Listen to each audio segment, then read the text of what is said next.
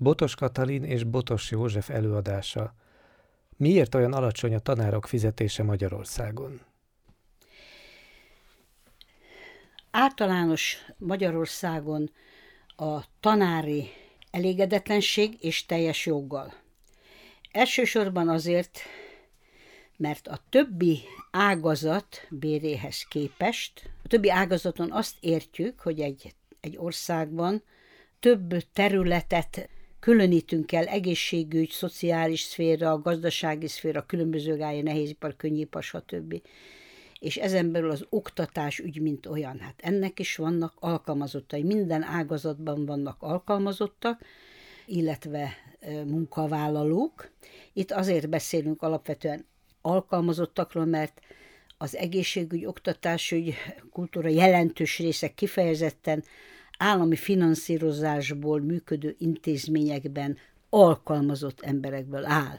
Tehát a tanárok fizetése relatíve alacsony, nem hogy relatíve, abszolút mértékben alacsony a többi ágazat béréhez képest, amilyen, amennyit ott keresnek az emberek. A legalacsonyabb az elmúlt évtizedekben az egészségügy és szociális szféra volt. Ez volt az utolsó az összes ágazat közül.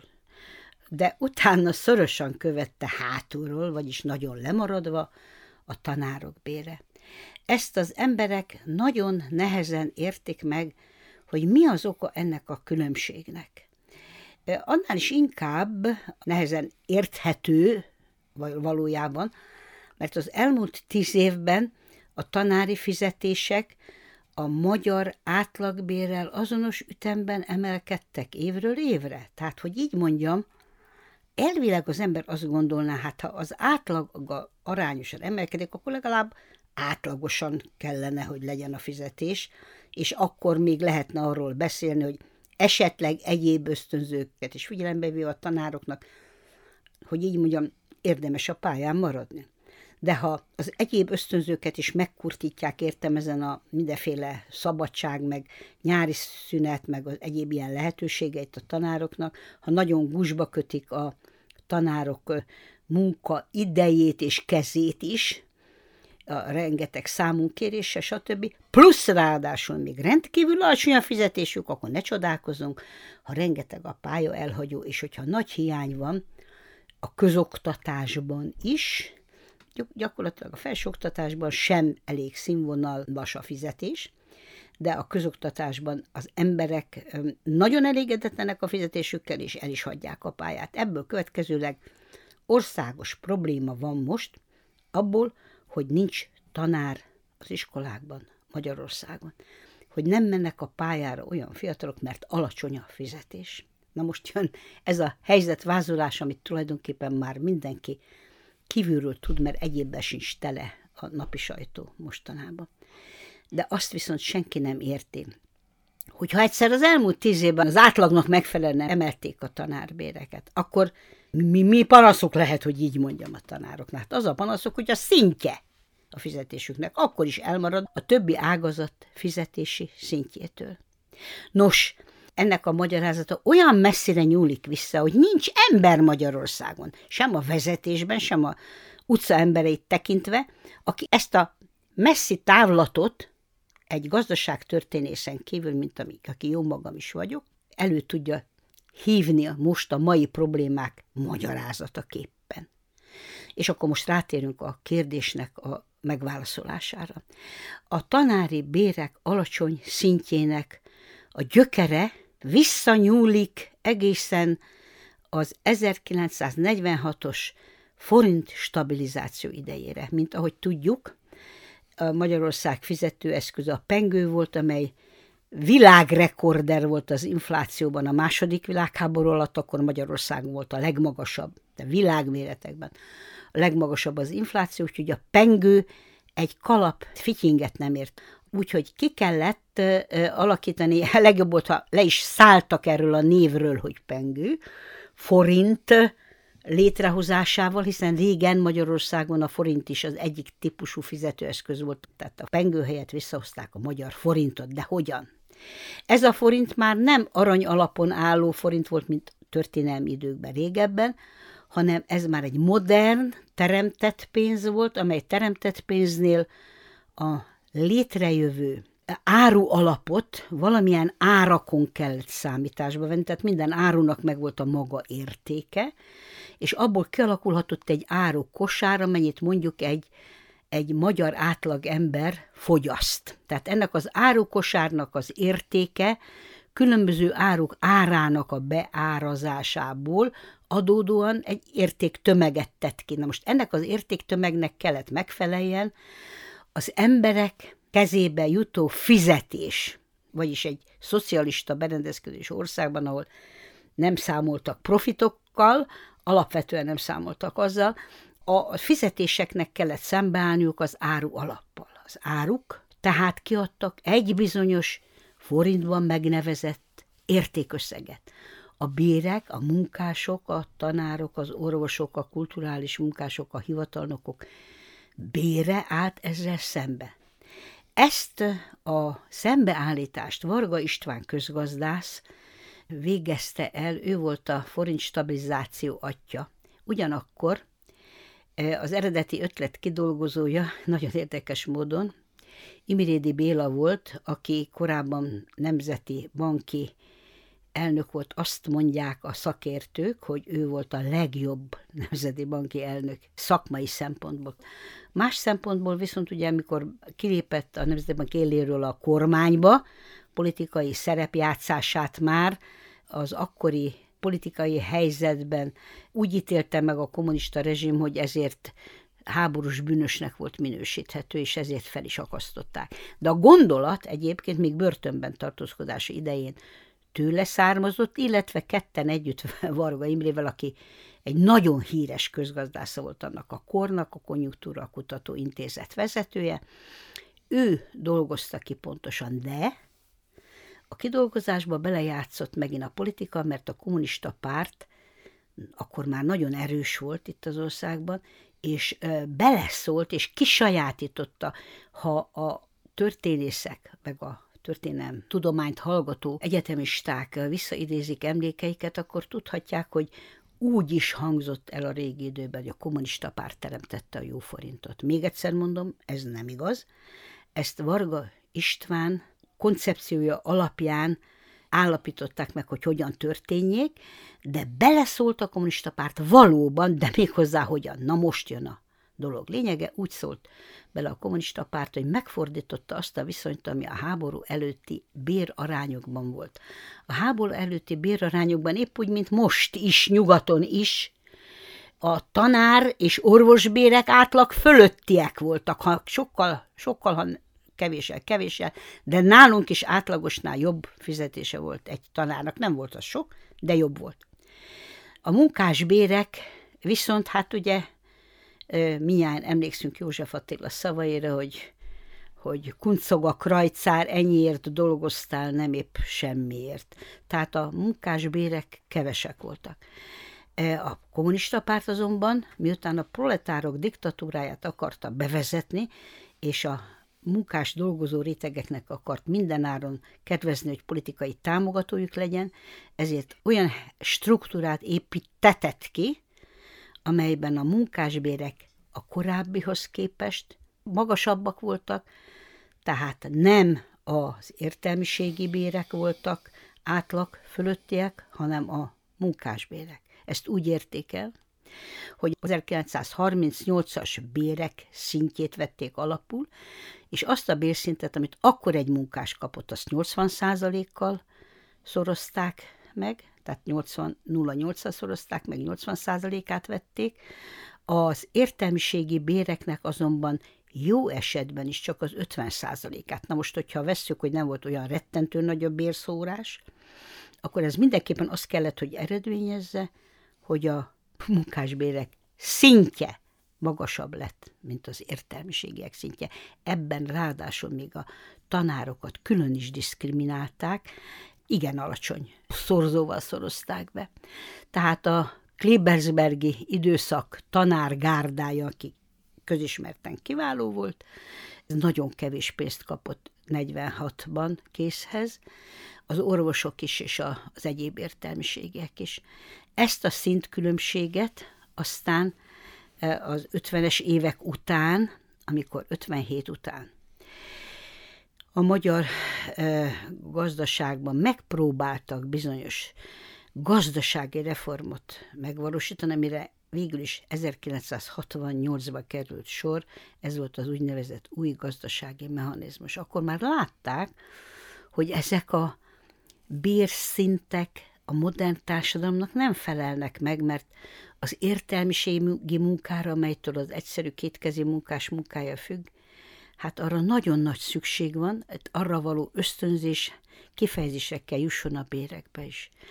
Akartak is, tehát lassan korrekciót végrehajtani a az értelmiség és a munkásosztály között, de nagyon, nagyon látványosat semmiképpen, mert Kádár nagyon vigyázott, hogy az őt támogató munkás réteg bizalmát el ne veszítse. De lassan akartak rajta változtatni, csak hogy ebben aztán közbe jött a 1973-as olajárrobbanás, amely a Magyarország megtermelt értékét nagyon megcsapolta az olajszállítók javára, ez adott esetben a Szovjetuniót jelentette nekünk, de a világban mindenütt volt egy ilyen változás.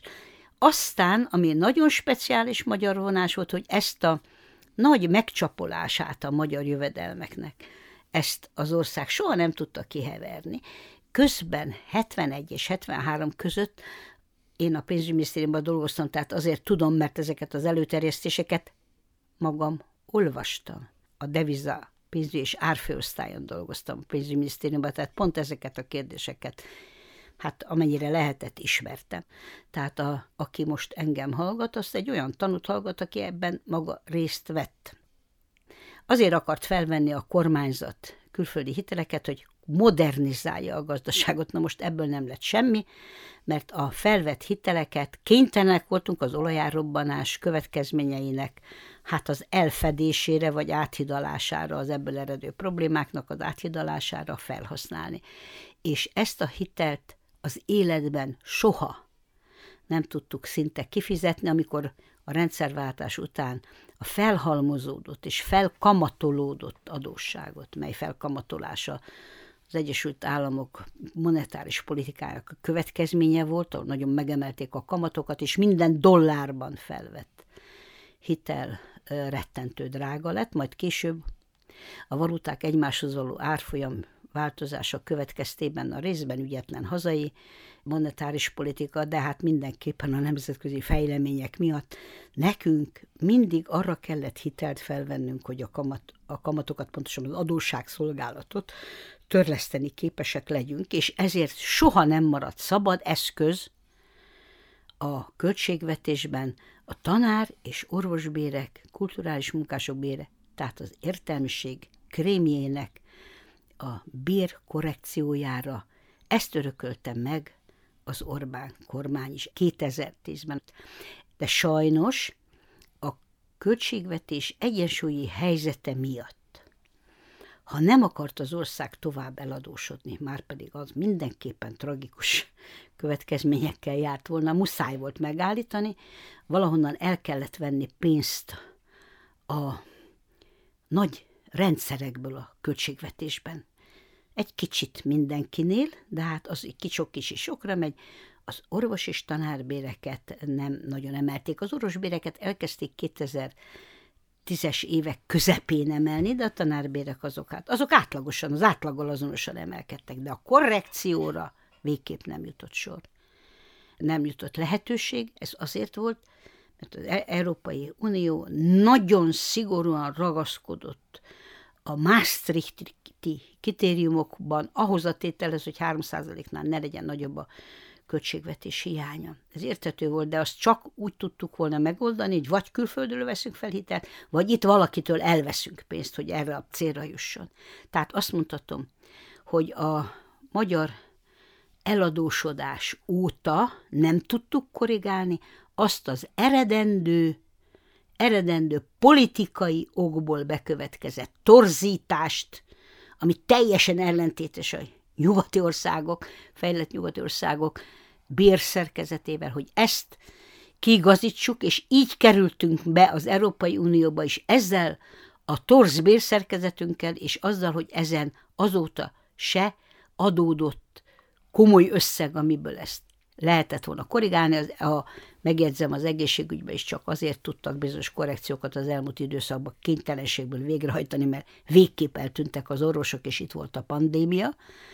Tehát végképp probléma volt az orvosállományal, a pandémia miatt meg szükséges volt, hogy tehát, hogy a társadalmi felháborodást elkerüljék, az egészségügyben valami béremelés következett. Hát most körülbelül a társadalmi felháborodás a tanároknál abban éleződik ki, hogy viszont most látszik, hogy ilyen bérek mellett a tanári kínálat, a tanári pálya választása háttérbe szorul, és ezért ebből is hatalmas, hosszú távra jelentkező probléma lesz.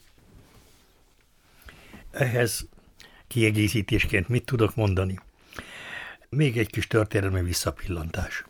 Pedagógusok bére sosem volt túlságosan magas. Nem véletlenül hívták őket a nemzet napszámosainak. Egy kis irodalmi idézet ide, amikor József Attila azt írta, hogy lehettem volna oktató, nem így töltőtől koptató szegény legény, akkor ezek a óriások, mint József Attila, Kosztolány, nehéz életkörülmények között éltek, de például Babics, aki a Kölcsei Gimnáziumnak francia-magyar szakos tanárságát vitte, a pedagógusi bérből egy polgári szinten tudott élni. Tehát nem volt az annyira lebecsült, anyagilag sem volt annyira lebecsült a tanári pálya. 1948-ban megtörtént az államosítás. Korábban a községi általános iskolák tanítóinak a bérét, tehát a legalsó alsó tagozatos, meg mondjuk a hatodik osztályos vagy nyolcadik osztályos korig, ezeket a tanárokat a község maga szerződtette. És lehet, hogy bizonyos pénzösszegbe kevesebbet kaptak, nem, nem nagy összeget, de szinte mindenhol az országban, hogyha megy az ember, még vannak ilyenek, hogy a tanító földje. Természetben a községnek voltak ugye birtokai, és adott azt mondta, hogy az a tanítónak x hold földet ad, amin vagy saját maga gazdálkodhatott, vagy pedig kiadta felesbe. Tehát más mezőgazdasági munkával élő paraszt embereknek a területet, és akkor ezzel az elvégezte a munkálatokat, a termés fele az övé lett, a másik fele a pedagógusi, aki vagy eladta, vagy a háztartásában felhasználta, tehát mindenféleképpen volt megélhetése, és biztos megélhetése. Emellett hozzátenném, az anyagiak csak egyik, az erkölcsi megbecsülés. Akkor úgy volt, hogy a, a, az orvos, az ügyvéd és a tanító volt mondjuk legalábbis vidéken a legmegbecsültebb szakma. És inkább úgy is fogalmaznék, hogy az orvos és a tanító az ügyvéd csak kényszerűségből, mert ugye peres ügyekben nem nagyon szerették az ügyvédeket, de a tanítónak óriási megbecsülése volt. Községi kérdésekben is, hogy vagy települési kérdésekben kikérték a véleményét. Ugorjunk még egy kicsit vissza a második világháború előtti időszakba, a horti korszakba ezeket az embereket a hivatali státuszban úgy mondta, hogy közszolgák, akik a köz érdekeit és a közjavát szolgálják. Ennek megfelelően volt a megbecsülésük is. Az első számú közszolga, ezt közzétették szinte minden évben a bér táblázatokat. A első számú közszolga ott volt Horti Miklós. Aztán utána jöttek, jött a miniszterelnök, miniszterek, és utána jöttek az egyetemi tanárok azokban is ugye, ugye a rektor, a dékán, professzorok, stb. meghatározták, hogy mi a fizetésük. Tehát nem az volt, hogy, hogy a képviselők vagy, vagy, vagy miniszterek azok aztán olyan sokat kerestek, nem biztos, hogy a miniszter több pénzt vitt haza, mint az egyetemi professzor. Egy kis példát mondanék. A Közgazdaság Egyetemen 1958-tól 62-ig tanultam. Volt egy matematika tanárom, dr. Huszár Géza. Huszár Géza az első világháborúban fiatal emberként, matematikusként tüzértiszt volt. Leszerelt, és utána aztán egyetemen kezdett oktatni, mert biztosítás matematikával foglalkozott, és az egyetemen ő nevezték ki a, a biztosítás matematikai tanszék vezetőjének. És egy évi professzori jövedelméből Budafokon egy villát tudott vásárolni, az a villa mai napig megvan. Elnézést kérek, egy mai professzor egy évi fizetéséből nem tudom, hogy hány négyzetméter lakást tudna vásárolni Budapesten. Szóval ez egy nagyon beszédes példa arra, hogy mit jelentett akkor és mit jelent most tanárnak lenni. És még egyet hozzátennék. Azért ez nem jelentéktelen dolog. Befejeztük az évet, az iskolát, június közepén vagy végén, egy héttel később a tanárok is elmentek szabadságra, és szeptember előtt egy, egy körülbelül egy héttel ért nekik végig, tehát az egész nyaruk szabad volt. Akik akkor voltak fiatal tanárok, földrajztanárom volt, mesélte. Befejezték az oktatást, barátjával kerékpárra ültek, végigkerikáztak egész Európán, föl Skandináviáig, és egy nagyon érdekes élményét elmesélte, szad mondom el, mentek valahol Svédországba, Szántóföld mellett egy traktoron valaki, egy fiatalember dolgozott. Érdeklődtek valami után, hogy mit, merre kell menni, és az szépen mondta, német nyelven beszéltek, elmondta, hogy hova. És megkérdezték, hogy hát ugye ő itt mezőgazdasági parasztember, nem azt, hogy én mérnök vagyok. És hát hogy, hogy elcsodálkoztak az itteni tanárok, hogy, hogy mérnök létére itten traktoron ül. Hát miért ne? Apámnak van itt egy kis birtok, amit én fogok örökölni. Nekem azt meg kell tudnom művelni. Szóval ez egy érdekes dolog volt, hogy az értelmiségi tevékenység nem szakadt el a reál gazdaságtól. Van még egy dolog, amit elmondanék. Azzal, hogy a, az oktatás és az egészségügy amblok, az egészségügy sem volt az állam feladata korábban. Volt az OTI, a MABI, ezek a nagy biztosítók, munkásbiztosítók, meg a hivatalnokoknak is, és ezek szerződtettek orvosokat, és az orvosoknak a fizetése ez a biztosítótól függött. A biztosító fizette őket. Az államosítással tulajdonképpen az állam elvette ezt a lehetőséget, hogy ezek a biztosítók a befolyó pénzekkel maguk gazdálkodjanak, elvette az önállóságokat, önálló gazdálkodást, és azt mondta, hogy mindenki közszolgak, tessék, akkor majd még megmondjuk, hogy mennyi lehet a fizetése az orvosnak.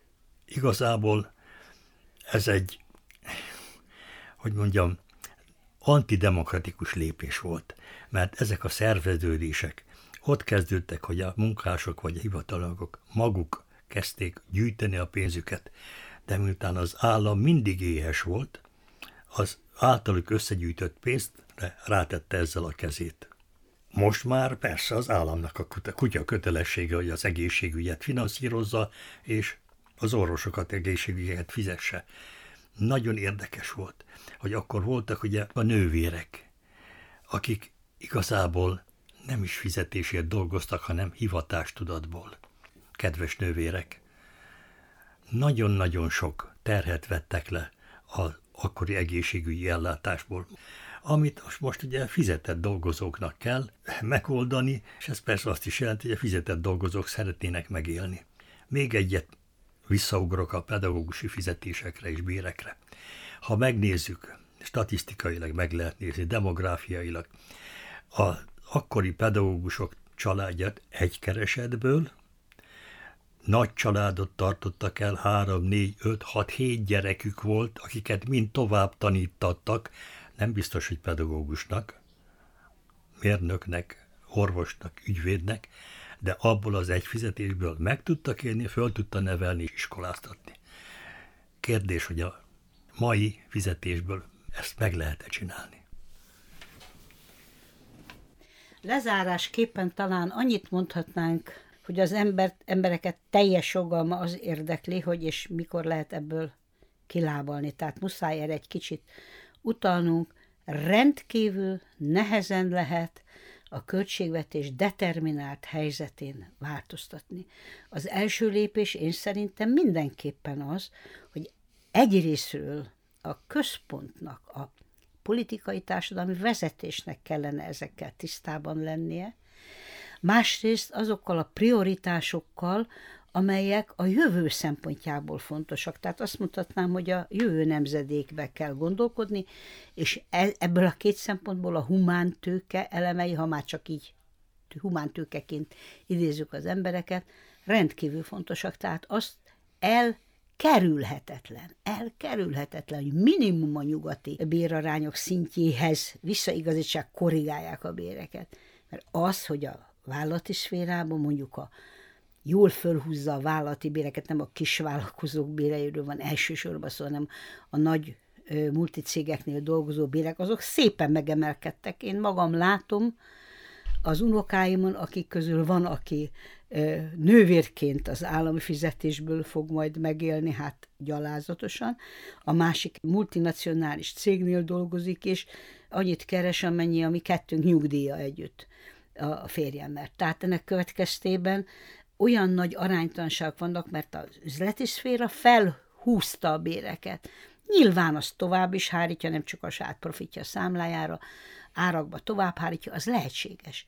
De, a, de ettől mégsem maradhat el ilyen mértékben az állami szféra bére. Ehhez igazából az kellett volna, sajnos megint a, az ilyen ha feltételes módban beszélünk, hogy mi lett volna helyes, hogyha egy marsal segély jellegű segítséget kap az ország. E, egyrészt a fejlett országoktól, mint annak idején Európa az USA-tól de nekünk mondjuk talán az lett volna logikus legalább, amikor csatlakozunk az egy Európai Unióhoz, hogy ennek a béraránytalanságnak a kiküszöbölésére az Európai Unió különítsen el bizonyos keretet, nem csak Magyarország számára, nekünk nagyon fájdalmas, mert mi sehogy nem tudunk a korrekcióra pénzt találni az eladósodottság miatt. De a többi kelet-európai országnál is így van, mert ha megnézzük az OECD statisztikákat, megnézzük a, abban a kelet-európai országok mondjuk orvosbér vagy nővérbér színvonalát, mindenütt a legutolsók között vannak a kelet-európai országok. Tehát ez rendszer specifikus. Ez attól függ, hogy itt a nyugati országok minket odahagytak a szovjet uralom alá annak idején, és az a saját kísérletezése szerint ilyen struktúrát alakított ki. Tehát amikor most visszacsatlakoztunk, akkor ezt korrigálni kellett volna. De a, erről fogalma sincs sem az Európai Unió vezetésének, és azt, azt hiszem, lehet, hogy tévedek, de én azt hiszem, hogy erről a gazdaság vezetőinek, a mi gazdasági vezetőinknek sincs erről kiforrott nézete, hogy ez nekünk járna. Olyan nem szabad rendelkezésre adni pénzt, hogy aztán azt a mit tudom én, ahogy ma szokták mondani, a nerlovagoknak adják oda a haverság alapot. Nem. Kifejezetten arra, hogy ezeket a béreket korrigálják. Na most ehhez, hát egy olyan Európai Unió működése kellene, amiben nem ennyi feszültség van, mint most, nem harmonikus, ahol megértik ezt, hogy ez tulajdonképpen igazságtalanság, ahogy egy országot nem lehet úgy vezetni, hogyha a területeken óriásiak a jövedelem differenciák. Azon is kell egy kiegyenlítő mechanizmus bevezetni. Ezt, ezt meg kellene értetni. Először meg kellene érteni, vezetésnek, aztán meg kellene értetni Európával, és az emberekkel is meg kellene értetni, hogy ezen, hogyha a fejükre állnak, akármilyen politikai változtatást fognak végrehajtani, erre forrást, én ezt mondhatom, mint a költségvetés alapos ismerője. Rendkívül nehezen fognak találni, így, amit itt magunkból izzadunk ki. Különösen azért, és ez egy külön téma lenne, Különösen azért, mert mind a mai napig nagyon sok jövedelem szivárog el ebből az országból, most már nem az eladósodás, tehát a felvett hitelek kamat szolgálata miatt, de azért, mert mi azt az utat választottuk jobb hiány, hogy külföldi tőkeberuházásokkal tartjuk fenn a foglalkoztatást az országban és a GDP növekedését, nagyon erős, sok külföldi beruházással, de hát azért az ki is viszi a pénzt. Tehát nagyon nehéz erre szabad forrás találni, de ezeket a dolgokat azt gondolom, hogy minden értelmiségének ezen a nagyon egyszerű közgazdasági összefüggés szinten érdemes lenne érteni, hogy maga is tovább tudja ezt adni, mert ha az emberek nem értik meg, akkor soha nem tudnak egy politikai korrekciót végrehajtani, kös az hosszú ideig és lassan tud csak megvalósulni. Talán még egy lépés, amíg nem lesz külön oktatási minisztérium és külön egészségügyi minisztérium megfelelő, hozzáértő, kvalifikált miniszterekkel, addig csak hiába várjuk, hogy egészségügyben, oktatásban lényeges lépés Érdekérvényesítés történjék. A két legfontosabb tárca, Heller Farkas annak idején a 30-as években úgy fogalmazott, iparpolitika, pénzügypolitika, környezetpolitika, ez az amaz, mindnek a szociálpolitikát kell szolgálni. Most pedig fordítva van, minden fontosabb, csak a szociálpolitika marad a legvégére. Elhangzott, miért olyan alacsony a tanárok fizetése Magyarországon? Előadók voltak Botos Katalin, a Szegedi Tudományegyetem professzor emeritusa, a Pázmány Péter Katolikus Egyetem nyugalmazott egyetemi intézetvezetője, és Botos József, a Pázmány Péter Katolikus Egyetem nyugalmazott egyetemi intézetvezetője, egyetemi docens. A felvétel 2022. júliusában készült.